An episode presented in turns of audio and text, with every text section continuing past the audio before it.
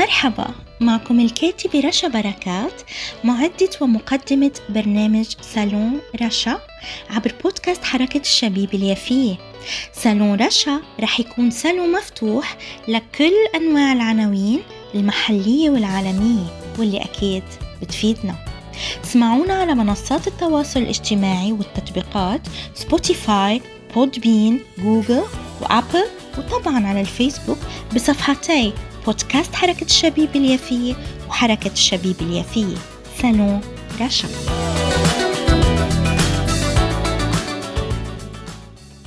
أهلا وسهلا بكم أعزائي آه، متابعي ومحبي كل برامج بودكاست حركة الشبيب اليافية.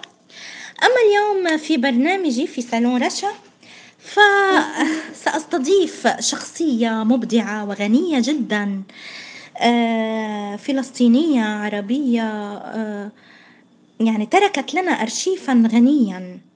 الأستاذ الفنان المسرحي غنام غنام وهو من مواليد أريحة فلسطين.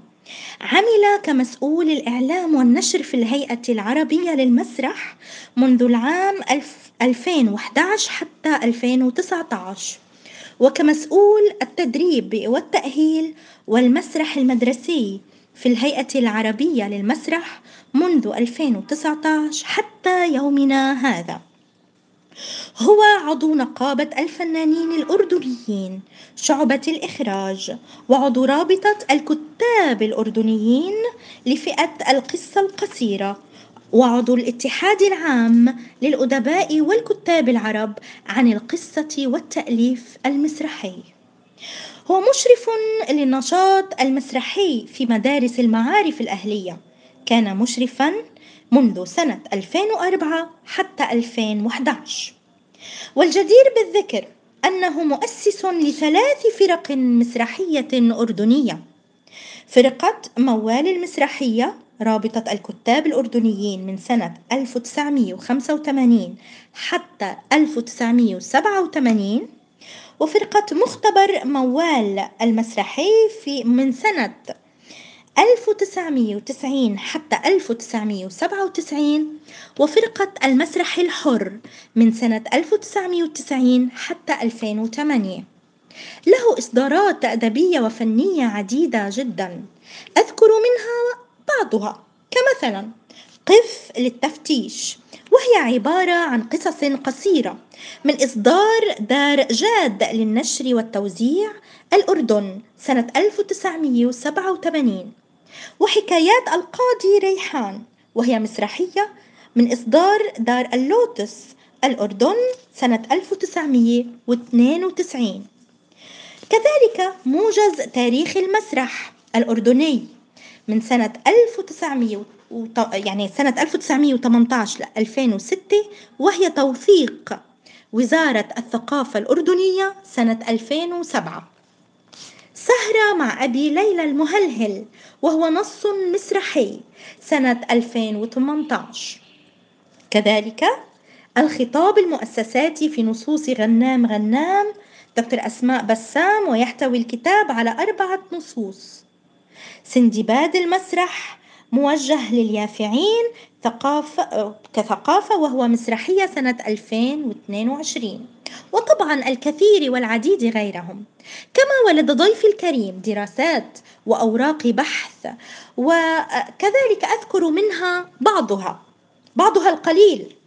مثل المسرح والتراث وهو دراسة سنة 2002 آه، الرقابة والإبداع. وهو بحث في مهرجان المسرح الكويتي سنة 2005 المدينة والمسرح جدلية التنمية الثقافية ملتقى المدن العربية سنة 2022 ومن الأعمال المسرحية العديدة أذكر منها مثلا تغريبة ظريف الطول إخراج هاني صنوبر وتأليف جبريل الشيخ سنة 1984 الجاروشي كممثل ومعد ومخرج سنة 1991 معروف الإسكافي مؤلفا ومخرجا سنة 2001 بنحب الحياة وهي مسرحية مع ذوي الاحتياجات الخاصة من ضحايا الألغام. سنة 2000 عرضت من سنة 2008 حتى 2011 كذلك ومن لا يق... لم يقرأ ولم يعرف عن عائد إلى حيفا. معدا كمم... كمعدا وممثلا مونودراما من إخراج الأستاذ يحيى البشتاوي سنة 2009 وطبعا أذكر أن قصة عائد إلى حيفا هي للأستاذ الراحل الباقي غسان كنفاني. كذلك العديد العديد من أعماله المهمة ذات العناوين الكبيرة جدا وال, وال يعني الغنية. إضافة إلى أن لضيفي مشاركات عديدة.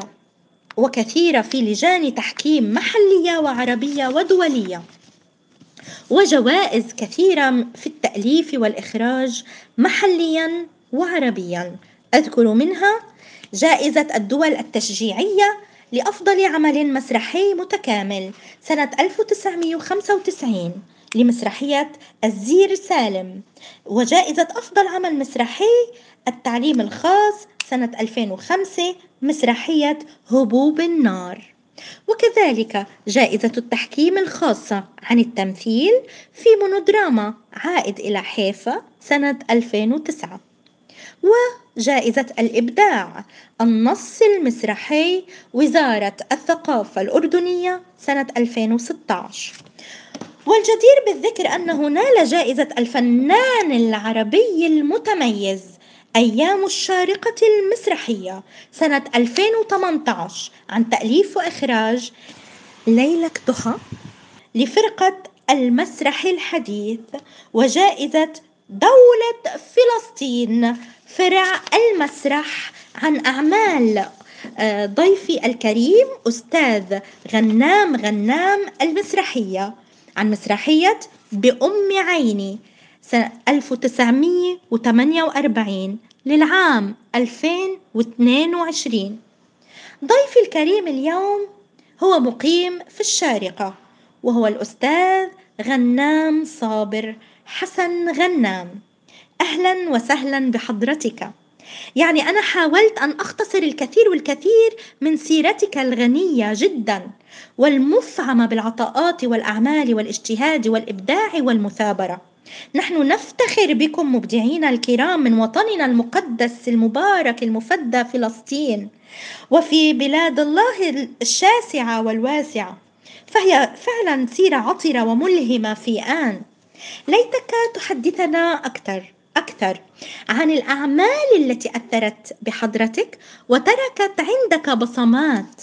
فأنا وكما أرى أن أعمالك تلك فيها قضية أي لا تغيب عنها قضيتنا ولا يغيب عنها عامل التأثير الاجتماعي وإيصال الكلمة وإيصال القضية. ولهذا فإن تلك الأعمال لابد أن تبقى لدينا كأرشيف غني في أرشيفاتنا العربية والفلسطينية. فما هي الأعمال التي أثرت بشدة بحضرتك وألهمتك أكثر؟ وبماذا تنصح كل الفنانين والمبدعين والفاعلين أيضا في شق القضايا الوطنية والاجتماعية. أتشكر تشريفك في صالوني صالونك وصالونكم مستمعينا الكرام.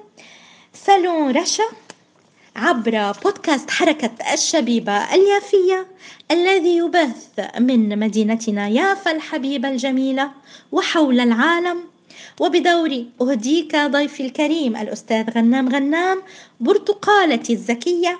فأهلا وسهلا بحضرتك.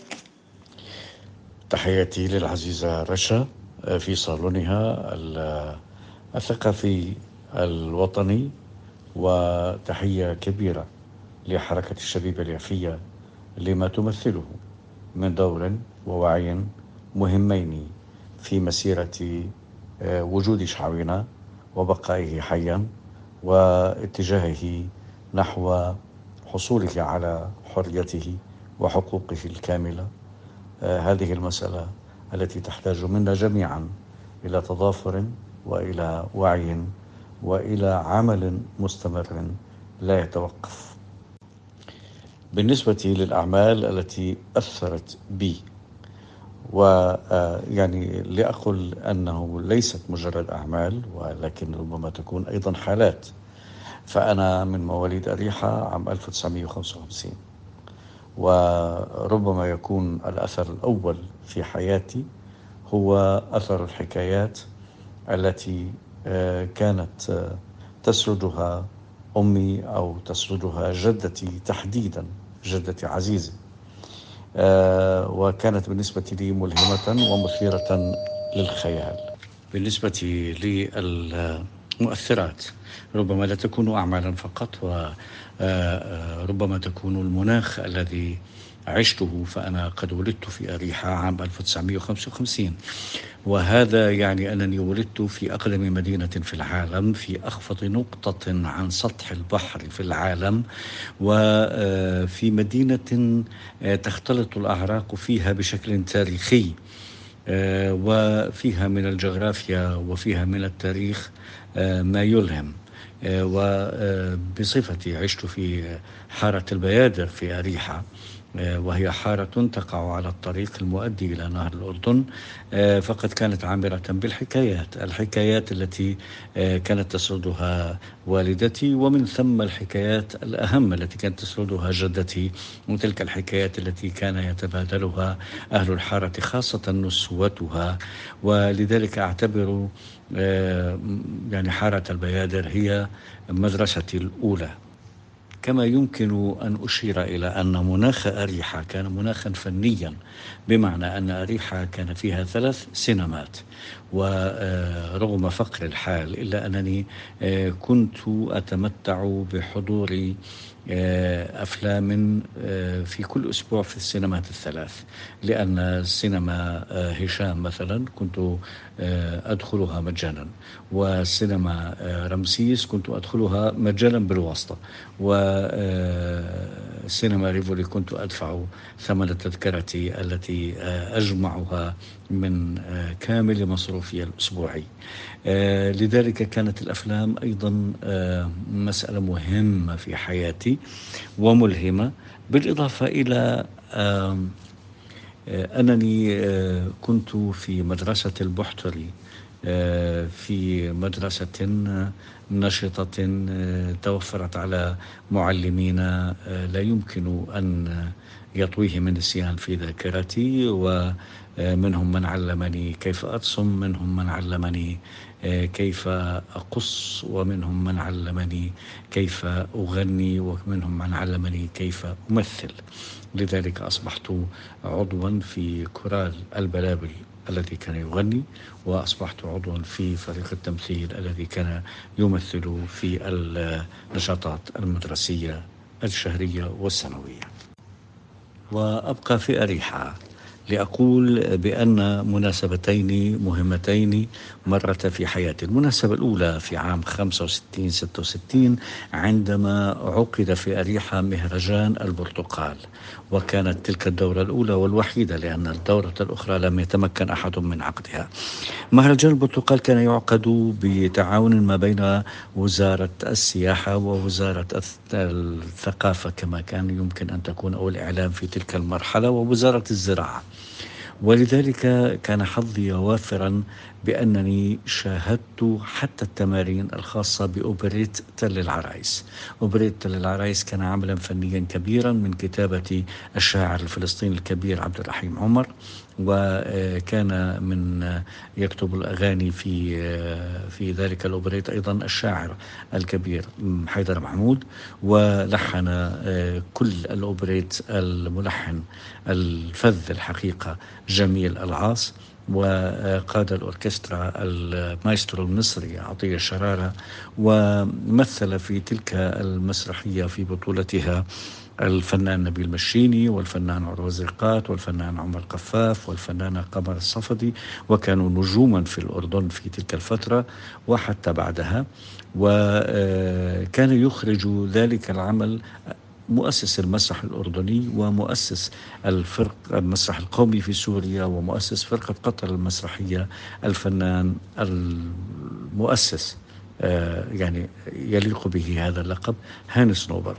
وكان كان وجود هانس نوبر في العمل وكان وجودي في المكان لمشاهدة البروفات هو عبارة عن فرصة لأحب شخصا اسمه المخرج. ولم أكن أعرف ماذا تعني كلمة المخرج الحقيقة يعني بالمعنى المعروف. ولكنني أحببت ذلك الرجل لما يقوم به. كان أخي واحد من الكومبارسات أخي وليد بصفته طالبا في مدرسة هشام بن عبد الملك. كان آه، واحد من المجاميع الكومبارس في الأوبريت. شاهدت الأوبريت في التمارين شاهدت الأوبريت في العرض وكان آه، على منصة على مسرح بني آه، في باحة قصر هشام بن عبد الملك في أريحة. إذا وأنا طفل شاهدت هذا العمل العظيم.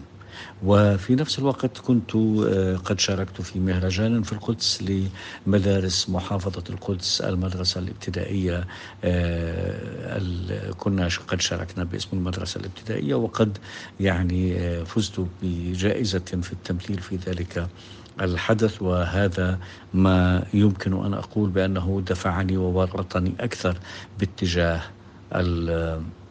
المسرح. ولأن الأشياء التي تؤثر فيك لا تأتي عبثا ولكنها قدرية. ففي عام 67 عندما هجرنا في عام 67 من أريحة هجرنا إلى عمان ومن ثم بعد أيام كنا نسكن في مدينة جرش. إذا فلنلاحظ كيف القدر يلعب. أنت في أقدم مدينة في العالم تولد و عندما تهجر تذهب إلى واحدة من أقدم مدن العالم وأكثرها حضارة واحدة من أكثرها آه، غنى بالآثار آه، من الحقبة الرومانية ففي جرش كنت تقريبا النازح الوحيد الذي يسكن في المدينة ودخلت المدرسة الإعدادية في جرش وكنت أفتقد آه، ذلك المحيط الاجتماعي الخاص بي لا أصدقاء ولا ولا آه، معارف آه، وكأنني أبدأ حياتي من جديد وكان المسرح الذي تعلمته في أريحة سلاحي بأن أدافع عن نفسي وأثبت وجودي. وبالفعل وهذا كان شيء مهم أن ما تعلمته في في أريحة من المسرح وفعلته وطبقته في جرش قد قدمني للمجتمع بكامله وليس للمجتمع المدرسي ك يعني يافع موهوب ويستحق الاهتمام والاحترام خاصة وأنني كنت أيضا في نفس الوقت متفوقا في دراستي. آه، ربما تكون هذه مؤثرات أولى ولكن في تلك المرحلة أيضا تعرفت إلى أدب الثورة. وكان أدب الثورة بالنسبة لي متمثلا آه، في غسان كنفاني. فأنا ولدت وترعرعت في بيت قومي النزعة وذلك بتأثير من أخي الأكبر آه، وبالتالي أصبحت في ركب الفكر الكنفاني آه، وما كان يمثله سياسيا وادبيا. وأعتقد أن الأثر الأول في حياتي بشكل أكيد لأديب أو لمفكر آه، كان لغسان كنفاني الذي قرأت أدبه أولا بأول منذ كنت في الثانية عشر من عمري والثالثة عشر من عمري ونشأت وترعرعت مع غسان كنفاني حتى أصبحت في عام 1982 أبو غسان حيث رزقني الله بولدي الأول فأسميته غسان تيمنا. بغسان كنفاني. آه إذا أدب غسان كنفاني آه أدب زكريا تامر أدب نجيب محفوظ أدب محمد عبد الحليم عبد الله أدب يوسف السباعي آه شعر أحمد شوقي شعر المتنبي شعر محمود درويش شعر سميح القاسم شعر, توفيق الزياد شعر راشد حسين آه روائع ميل حبيبي آه، فنون الرحابنة زياد رحباني فيما بعد آه، الحقيقة آه، كلها أصبحت جزءا من شخصيتي ومن تكويني بدر شاكر السياب نازك الملائكة عبد الوهاب البياتي آه، محمد الماغوط آه، سهيل البياتي آه، سهيل عفوا العفو. إذا كل هذه الأسماء أصبحت جزءا من تكويني في الموسيقى في الغناء عبد الوهاب أم كلثوم مارسي الخليفي الشيخ إمام آه أصدقائي الذين كبرت أنا معهم وكبروا معي كمال خليل في الأردن إبراهيم نصر الله يوسف عبد العزيز آه عبد الحليم أبو حلتم آه أحمد قعبور فيما بعد آه خالد الهبر فيما بعد آه كل هذه الأسامي آه أصبحت جزءا من تكوين شخصيتي. إذا أنا وأنا في آه سن اليفاعة تبلورت لدي اتجاهية أو اتجاهاتي نحو دراسة المسرح والفن ولكن القدر كان له كلمة أخرى. عندما أنهيت الثانوية لم أتمكن من الذهاب خارج الأردن للدراسة فنون المسرح سواء في القاهرة أو في بغداد أو في دمشق وهي التي كانت متاحة أمامنا وذلك لفقر الحال. فأصبحت طالبا في معهد تابع لوكالة الغوث وتشغيل اللاجئين معهد وادي السير الذي أصبح الآن يعني جزءا من جامعة.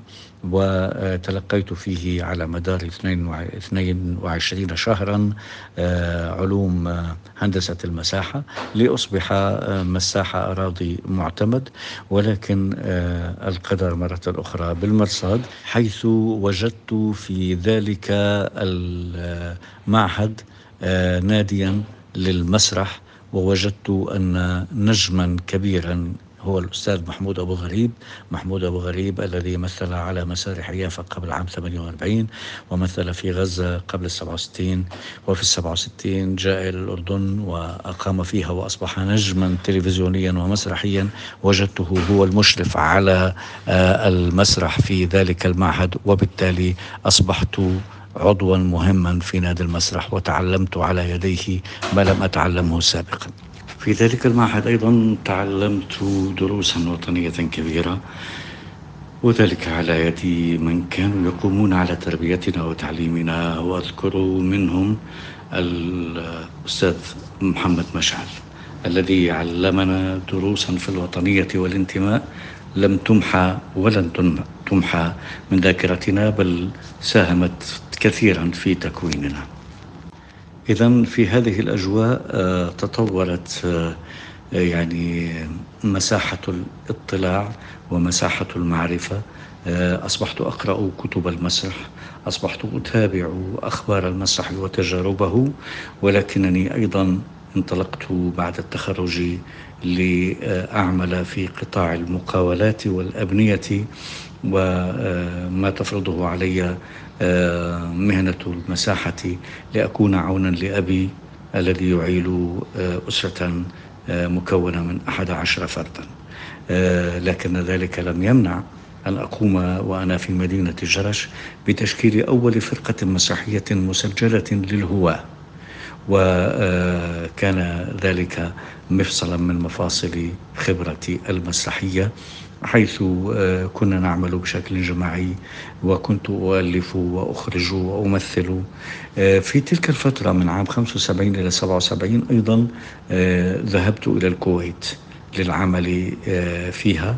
وفي الكويت أيضا تعرفت على مسرح مختلف هو المسرح الكويتي وكان من حسن حظي في تلك المرحلة أن هناك كاتب كبير اسمه عبد العزيز السريع وكان هناك مخرج كبير اسمه صقر رشود وكان يمتعان الكويت والعالم العربي بأعمالهما العظيمة. وفي الكويت كتبت أول مقالة نقدية عن عمل مسرحي في مسرح الطفل وكان اسمه السندباد في جزيرة النعام هكذا أذكره. وكان أول عمل ينتج للطفل في الكويت وكان أول أعمال المخرج منصور المنصور. وكان تقريبا أول ظهور للنجم عبد الرحمن العقل وكان من إنتاج عواطف البدر ولم يكن أحد يعرف من غنام يعني لكنني كتبت مقالة نقدية أخذت مساحة مهمة في جريدة الوطن. وفي تلك المرحلة حيث كنت خلال الفترات الماضية بدأت تنمو لدي اتجاهات كتابة الشعر وكتابة القصة. بالفعل يعني نشرت قصائد لي في الصحف الكويتية وفزت بجائزة إحدى المسابقات في القصة القصيرة. وخرجت من الكويت في عام 77 لظروف عمالية أي أنني لم أكن بالمستخدم المهادن فقد خضت إضرابا عماليا في الشركة التي كنت أعمل بها نتيجة تقصير في حقوقنا وبالتالي طردت من العمل وعدت إلى الأردن لأعمل في مدينة العقبة التي عملت بها أيضا لمدة سنتين وشكلت فرقة فنية في نادي العقبة ولكن لم يطل بي المقام في العقبة أيضا لأسباب خارجة عن إرادتي إذ اضطررت للابتعاد عن هذه المدينة والعودة إلى عمان وهناك بدأت رحلة أخرى مختلفة مع فرقة الهواة التي حدثتكم عنها وبالتالي انتقلت إلى نزعة أخرى. وهي نزعة الحكواتي. وقد شكلت فرقة للحكواتي مكونة من ثلاثة أشخاص. أنا أكتب وأعد وأدرب وكان معي أحد الشباب الموهوبين من فرقتنا فرقة جراش المسيحية هو وهو بندر ياسين.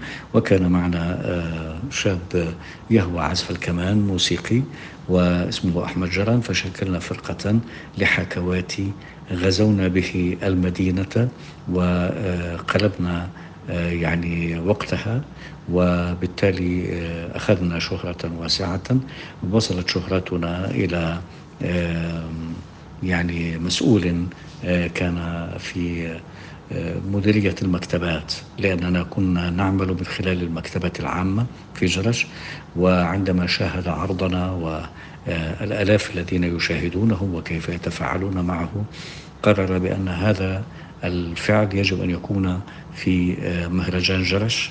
فانتقلنا إلى مهرجان جرش في دورته الثانية وكانت لنا خيمة حكواتي في منطقة مهمة في ساحة جرش وهناك كتب عنا وبدأ الحلم يكبر. إذا ربما تكون عام 82 83 أعوام تحول كبيرة. في تلك الأعوام أيضا شاركت في مسابقات لغير الأعضاء في رابطة الكتاب الأردنيين وفزت بجائزة القصة القصيرة وأصبح اسمي معروفا في الوسط الثقافي أنشر في الصحف وأشارك في المسابقات ومن ثم جاءت الصدفة القدرية مرة أخرى بعودة الفنان هانس نوبر من مغتربه في قطر عام 82 ليشكل فرقة من الشباب الجدد ويقدم عملا مسرحيا بهم. وكنت أحد هؤلاء الشباب الذين قدموا معه مسرحية تغريبة ظريف الطول التي ألفها صديقي الراحل جبريل الشيخ. وأخرجها هانس نوبر وكان فيها عدد كبير من الشباب الذين أصبحوا نجوما وأصبحوا مؤثرين في الوسط المسرحي الأردني والعربي. وكان من من ألطف الأشياء أنني لعبت دورة أسمر اللون وهي طبعا بالمناسبة مسرحية غنائية تقوم على القوالب اللحنية الفلسطينية ولكنه من خلالها سرد تاريخ السياسي للشعب الفلسطيني تحت الحكم العثماني. وبمشاركتي بتلك المسرحية وهي على صعيد الاحتراف كانت أول مسرحياتي في عام 84 تم الالتفات جيدا إلى هذا القادم الجديد إلى يعني الوسط المسرحي الأردني. في عام 84 أيضا قدمت مع هانس نوبر بطولة مسرحية وجه بملايين العيون وعرضت كعمل رئيسي في مهرجان جرش يعني المعروف وكانت تلك خطوة أيضا إلى الأمام. وفي تلك السنة أصبحت عضوا في رابطة الكتاب الأردنيين بتخصص القصة القصيرة وعضوا في رابطة المسرحيين الأردنيين بتخصص التمثيل وبدأت المسيرة بشكل مختلف تماما بعد ذلك. إذا ما بين محمود أبو غريب وهانس نوبر وحكايات جدتي وحكايات أمي و... وكل ذلك هناك دائرة ظلت معتمة في رأسي إلى أن أضيئت بعد أعوام طويلة ولكنني سأتحدث عنها الآن. آه، إنها المشخصاتية الذين يحيون كانوا يحيون الأعراس في أريحة أبو, أبو أمينة وحسن وأبو زكر وأبو زكية وهذه نماذج شعبية كانت تقيم الأعراس والأفراح والليالي الملاح في حلقات في باحات البيوت في باحات الحارات آه، وأعتقد آه، جازما أن هذه الكوكبة المكونة من أربعة هم المعلمين الحقيقيين لما فعلته في المسرح بعد ذلك. وسيأتي يعني ذكرهم لاحقا ولكن لأعود إلى مرحلتي. في تلك المرحلة مرحلة الثمانينيات آه، آه، بدأ المخرجون يعرضون علي أدوارا عملت مع الفنان خالد الطريفي وهو طبعا آه، يعني صديقي وجيلي في نفس الوقت وأيضا بدأ الحلم يتبلور فشكلت أنا والراحل جبريل الشيخ والملحن نصر خالد الذي لحن آه، هو وفرقة رايات آه، أعمال هانس نوبر في تغريبة ظريف الطول وشكلنا فرقة موال منبثقة من رابطة الكتاب الأردنيين وقدمنا أنفسنا كفرقة آه، محترفة في عام 86 بعمل هو اللهم اجعله خير وكان من تأليفي وتوليفي لأنه مأخوذ من كذا مسرحية. وكان من إخراج جبريل الشيخ وألحان نصر خالد ومثل معنا فيه موسى عزت وصلاح الحراني وحنان عساف والممثل الكبير محمود مساعد الذي كان مشهورا باسم أبو سرور آه، وكان من أهم الممثلين في تلك المرحلة آه، من السنوات في السبعينيات والثمانينيات. ولاقى العمل نجاحا منقطع النظير وعرضناه لاثني عشر ليلة متواصلة آه، بحضور جماهيري وببيع تذاكر فأصبح لنا صيت آه، لنقل آه، كفنانين قادمين من اليسار فنانين قادمين من العمل الوطني. ولكنهم يقدمون فنا محترما وليس فنا دعائيا مجانيا. آه، تلك الفرقة على طول الخط انتقلت بمشروع آخر اللي هو آه، أن أنني أعددت آه، مسرحية ما تبقى لكم عن رواية الشهيد غسان كرفاني ما تبقى لكم وبدمج قصيدة طويلة بعنوان آنست نارا للشاعر سهيل السيد أحمد وقمت بإخراجها آه، يعني بعمل مستمر لمدة ستة أشهر أو سبعة ولكننا قبل آه، تقديم ذلك العمل بليلة واحدة أبلغنا بمنع العمل وحل الفرقة. لأن الحاكم العرفي في تلك المرحلة آه، كانت أحكام عرفية. قد أغلق رابطة الكتاب الأردنيين وحكما يجب أن تنتهي هذه الفرقة. وبالفعل ذهب تعبنا لمدة سبعة أشهر هباء منثورا. وكان في تلك المسرحية آه، نصر خالد آه، ملحنا. وكان جبريل الشيخ يعني موجود كمشرف. وكانت نادرة عمران آه، وكان صلاح الحراني ومنصور الزهراني وموسى عزت مرة أخرى آه، وعاهد يعني مجموعة من الشباب والصبايا آه، في منتهى الجمال. ولكن أصبنا بنكسة حقيقية كان ذلك في عام 87 وبالمناسبة كنا قد سوقنا ألف بطاقة للحضور قبل ذلك اليوم. ولكن كان ذلك آه، يعني بالنسبة لنا هزيمة حقيقية وبالتالي أصبحنا نخاف أن نعمل لأن أي شخص ستقول له اسم من أسمائنا سيقول لا يا عمي بلاش مشاكل. وبالتالي عملنا في عوام 87 88 89 في ظل أسماء أخرى وربما أحيانا دون أن تعلن أسماؤنا آه، إلى أن جاءت الانفراجة بالهامش الديمقراطي الذي آه، أو بالتحول الديمقراطي الذي بدأت تعيشه الأردن آه، في نهاية 89 وبداية التسعين. خلال هذه الفترة التي أتحدث عنها كنت قد أصدرت أول مجموعة قصصية لي وهي بعنوان قف للتفتيش. وكنت أستعد لإصدار مجموعتي الثانية وهي من يخاف وقد صدرت أيضا آه، في عام تسعين. و آه، يعني كان النشاط مستمرا بشكل أو بآخر. ولكن عندما حدث التحول وعدنا إلى حياتنا الطبيعية دون ضغط عرفي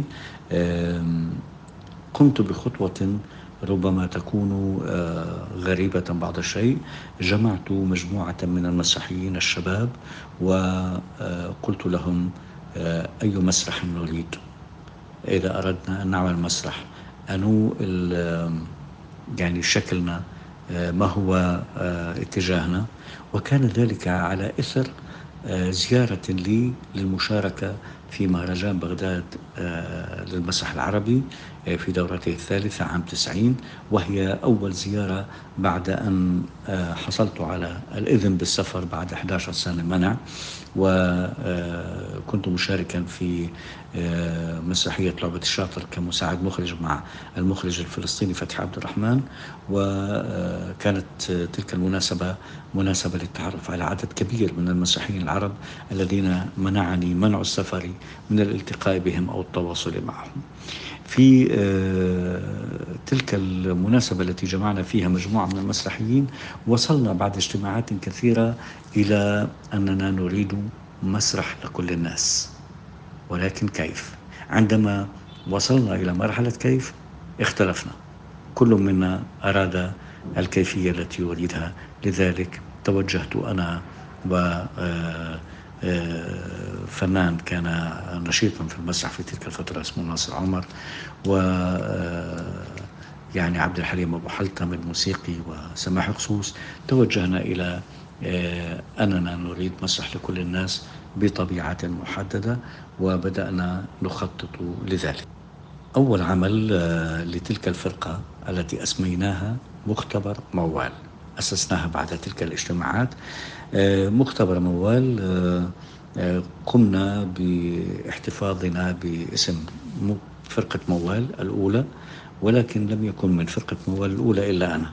هذه يعني مفارقة ولكن وفاء لتلك التجربة سميناها مختبر موال المسرحي. وحصلت بالمصادفة على يعني عدد من إحدى المجلات الفلسطينية فوجدت نصا بعنوان الجاروشة كتبه الفنان الفلسطيني الكبير زينات القدسية. آه، ف وكان يتناول الانتفاضة الفلسطينية 87 آه، ونسجه على منوال آه، مريانا بنيدا التي كتبها فيدريكو غارسيا لوركا. وقمت بإعداد ذلك النص. وإخراجه بشكل مشترك مع زميلي ناصر عمر ولعب في بطولته الفنانة الأردنية المعروفة ريم سعادة والفنان خليل شحادة والفنان ناصر عمر إضافة لي وإضافة إلى فرقتي بلدنا والمخيم آه، موسيقى وفنون شعبية وقدمنا عملا أيضا لاقى يعني آه، نجاحا واسعا. وكان مهندس الديكور في تلك المسرحية هو آه، ماجد آه، الزبيدي الذي أصبح آه، في تلفزيون فلسطين فيما بعد. وكان مصمم الإضاءة مصمم مدهش من الأردن اسمه أحمد فاشا وقدمنا ذلك العمل بنجاح منقطع النظير ومن المصادفات أننا ونحن نعمل في ذلك العمل زارت الأردن يعني مصممة أزياء ألمانية فلسطينية هي هايك عوض وهي التي صممت لنا أزياء ذلك العمل فكان آه، يمتاز بجماليات عالية. ونجحنا فيه نجاحا غير عادي ولكنني سألت الفريق في نهاية العرض هل حققنا مسرح لكل الناس؟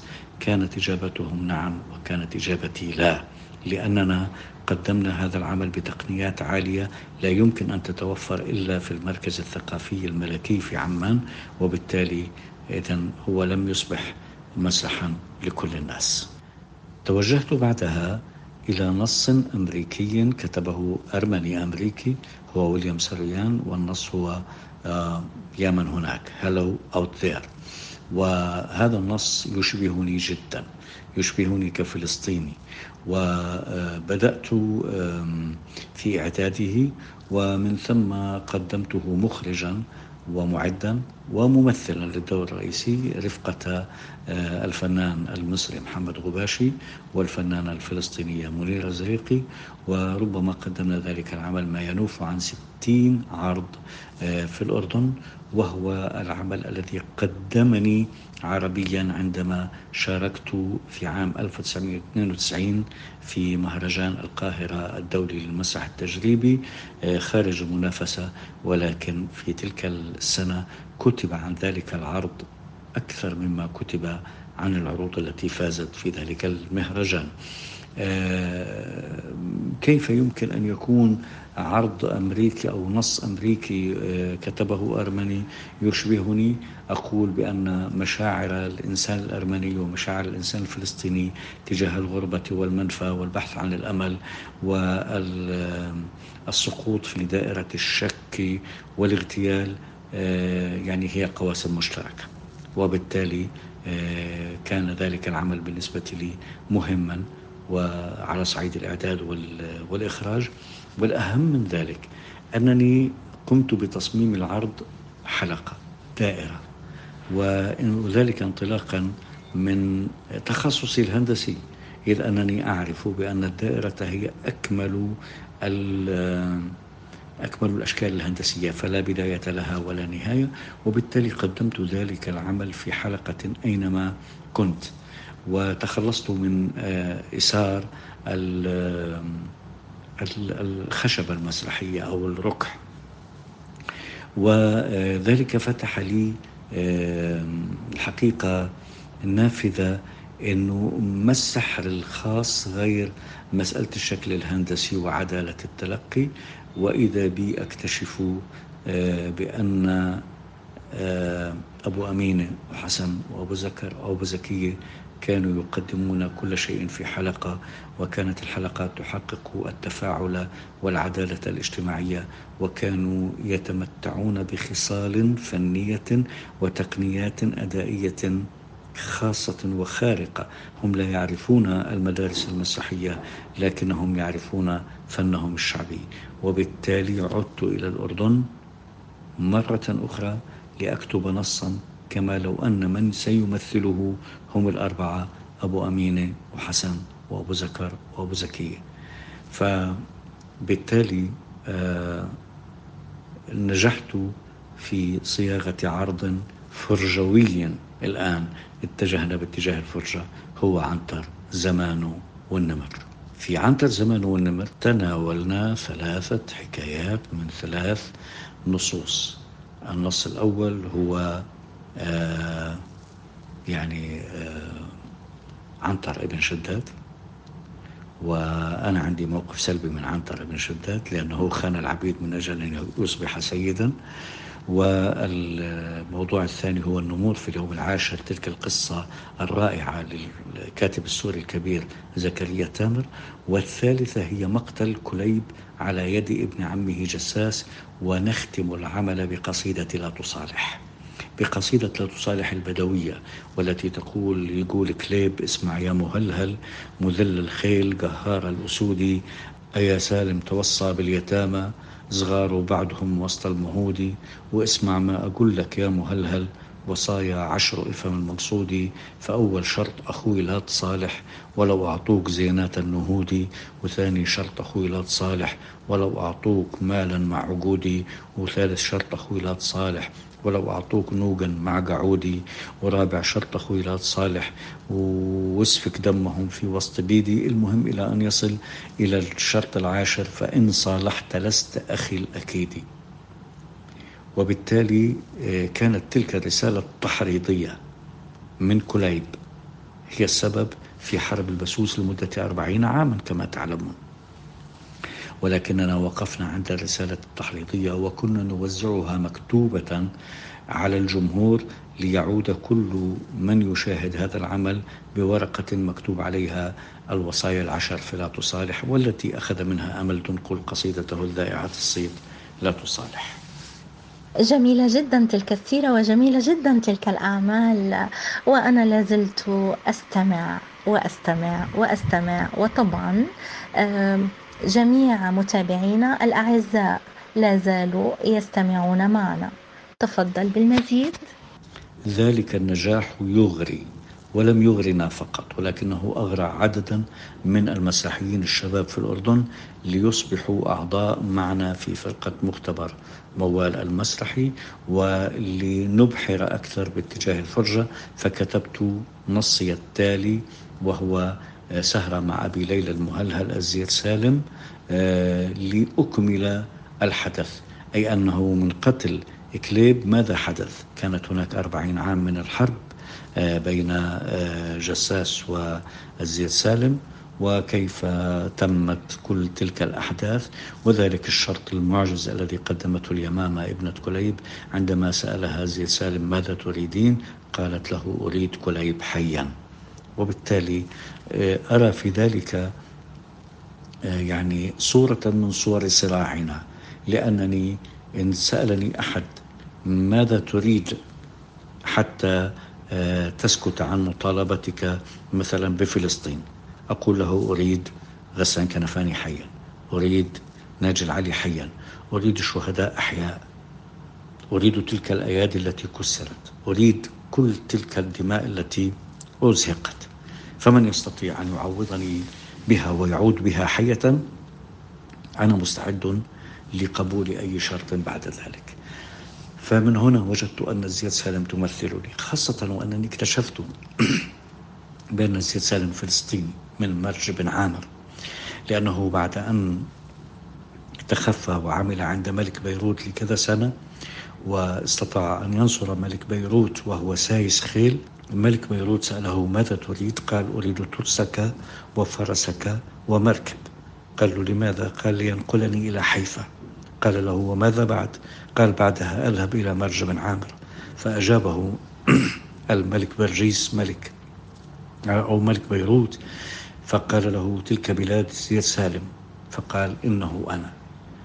ومن هنا أحببت زياد سالم أكثر وقدمت ذلك العمل وذلك العمل أخذ صيتا عربيا كبيرا في القاهرة وفي بغداد وفي المغرب والحقيقة قدمناه يعني كما قدمنا آه، عند الزمان والنمر في كثير في كثير في كثير من الدول العربية وأصبحت الفرجة الشعبية العمل في الحلقة وطرائق اللعب التي نلعبها مع التمثيل أصبح لاعبا مسرحيا. غناء على رقص على على تمثيل على إيحاء على إيماء على يعني كل ما يمكن أن أن يتخيله المرء. ويمكنني أن أدعي بأن تلك التجربة وتلك التجارب آه، قد أثرت في كثيرين سواء في الأردن أو في الدول العربية التي عرضت فيها تلك الأعمال. وبالمناسبة أصدرنا آه، يعني في تلك السنوات آه، بيانين مسرحيين. الأول نحو مسرح لكل الناس والثاني هو بيان الفرجة. والبيانات المسرحية مسألة مهمة جدا. إذا بعد ذلك تقدمنا أكثر و قدمت آه، في محاكاة للواقع العربي آه، مسرحية كأنك أبو زيد وتلك مسرحية تتحدث عن السيرة الهلالية والتغريبة الهلالية بكل ما فيها وبإعداد جديد.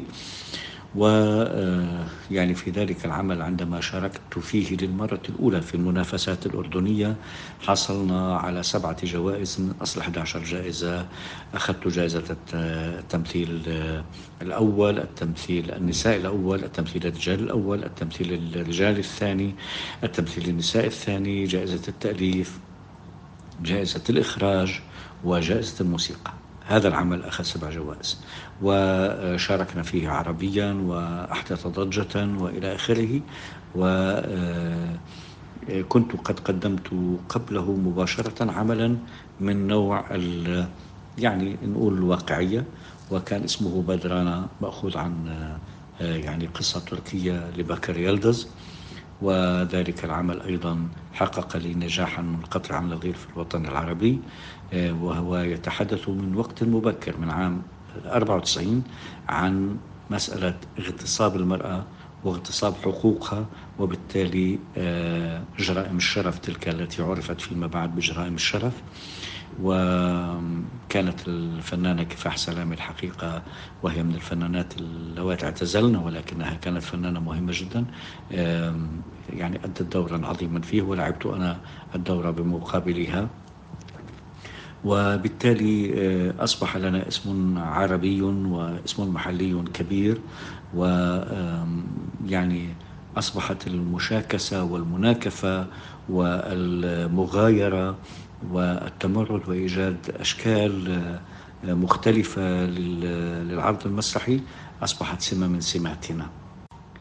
آه، يمكن لم يطل بي المقام بعدها في آه، مختبر موال المسرحي وذلك لأن عندما تكبر الفرقة أحيانا تصبح تجاذبات داخلها ربما لا تناسبني أو أنا من النوع الذي عندما أجد مكانا لا يناسبني أتركه مباشرة إلى مكان يناسبني.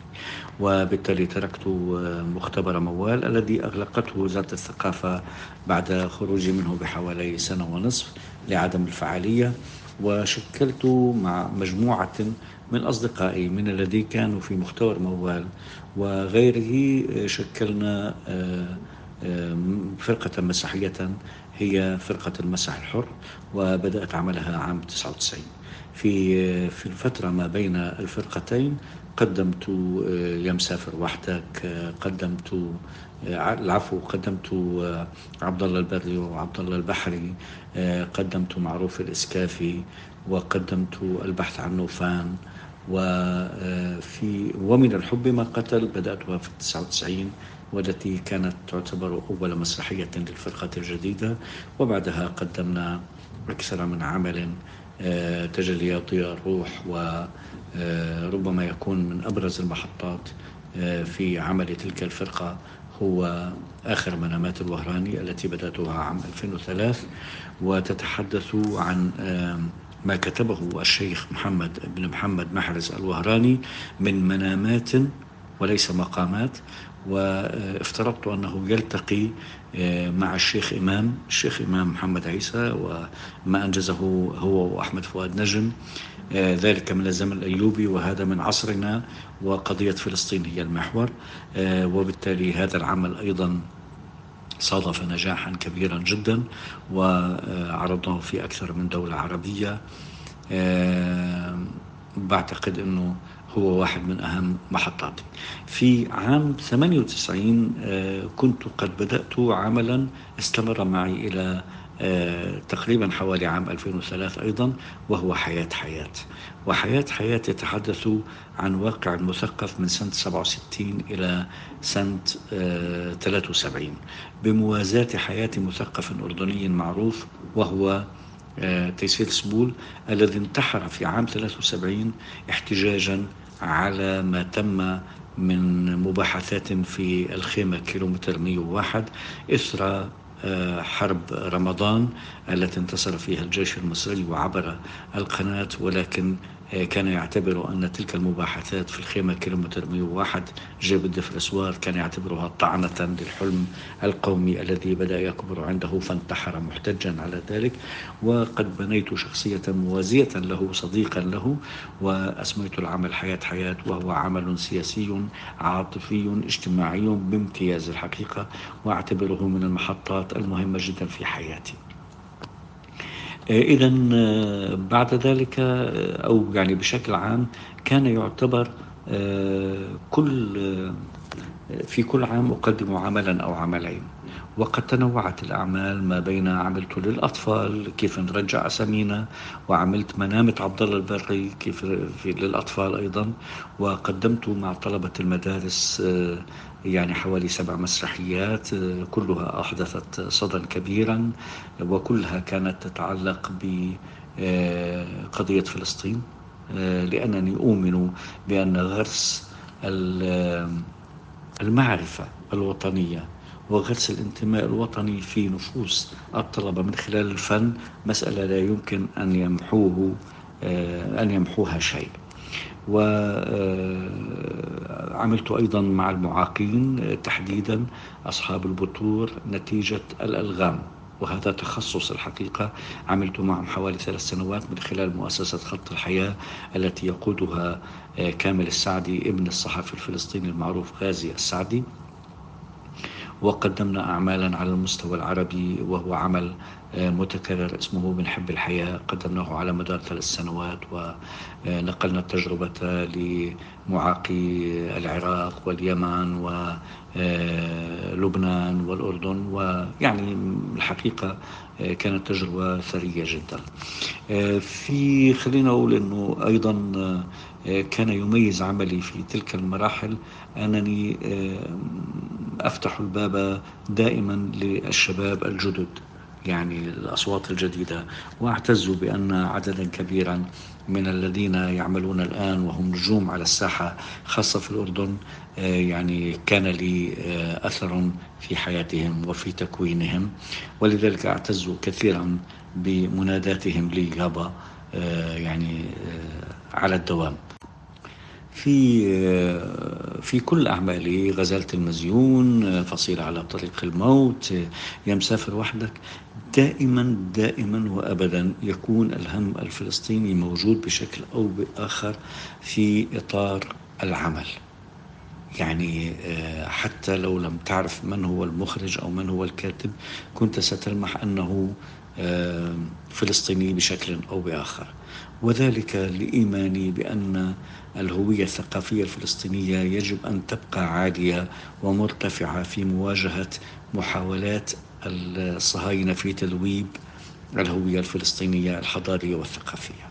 في عام 2009 آه، يعني عاد لي حلم آه، العمل على آه، رواية من روايات غسان كنفاني بمعية المخرج الدكتور يحيى البشتاوي الذي آه، أخذ منحة من وزارة الثقافة الأردنية لتقديم آه، مسرحية عائد إلى حيفا. و يعني بعد مداولات طويلة مع الدكتور يحيى تحولت إلى مونودرام لشخصية سعيد سين ولعبتها وقدمناها في عروض عشرات العروض. آه، محليا وعربيا وأيضا كانت تقدم في حلقة وفي فضاء مفتوح آه، وقمنا فيها بتحيين لأسئلة عائدة لحيفا التي كتبت في الثمانية وستين آه، لأننا قدمناها في 2009 وكانت تحاكي الواقع الفلسطيني في, ذلك في تلك الفترة وحالة الانقسام الفلسطيني الفلسطيني. وفي عام 2010 وبشكل قدري استدعيت إلى بيروت لأشارك في عمل مسرحي وإذا به عائد الحيفا من إنتاج مؤسسة غسان كنفاني. مديرة الإنتاج كانت ليلى كنفاني ابنة الشهيد غسان والمخرجة كانت لينا أبيض. وكان هناك للمرة الأولى تمثل الفنانة الفلسطينية رائدة طه. وعلياء الخالدي وحسين الحاج حسين الحاج وهاني الهندي كان طفلا وبالتالي قدمنا ذلك العرض في بيروت على مدى ثلاث مواسم متتالية بنجاح كبير. وأعتز بأنني لعبت الشخصية نفسها ولكن بأدائين مختلفين ما بين المونودرام وما بين يعني المسرحية بكامل الطاقم وأعتز بأنني عملت مع مؤسسة غسان كنفاني على تسجيل أدب غسان كنفاني صوتيا ليكون متاحا بين آه، يعني أيدي الطلبة ومن يريد آه، قصصه القصيرة سجلت عددا كبيرا منها وبالتالي هذا مصدر اعتزاز لي. آه، في عام 2011 فيما كنت في مطار بيروت أسمع نداءات الطيران. آه، تخيلت يا غنام متى ستسمع نداء آه، شركة آه، الطيران الفلسطينية المتجهة إلى مطار اللد؟ وولد من ذلك السؤال نص أدبي اسمه سأموت في المنفى بدل فاقد. وكتبته في عام 2011 وفي عام 2016 حولته إلى مسرحية وقدمتها مونودرام وبدأت عروضها من الخليل وجلت فيها في فلسطين آه، في عام 2017 ومن ثم جالت الوطن العربي كله. يعني لم يبقى بلد لم أقدم فيه سأموت في المنفى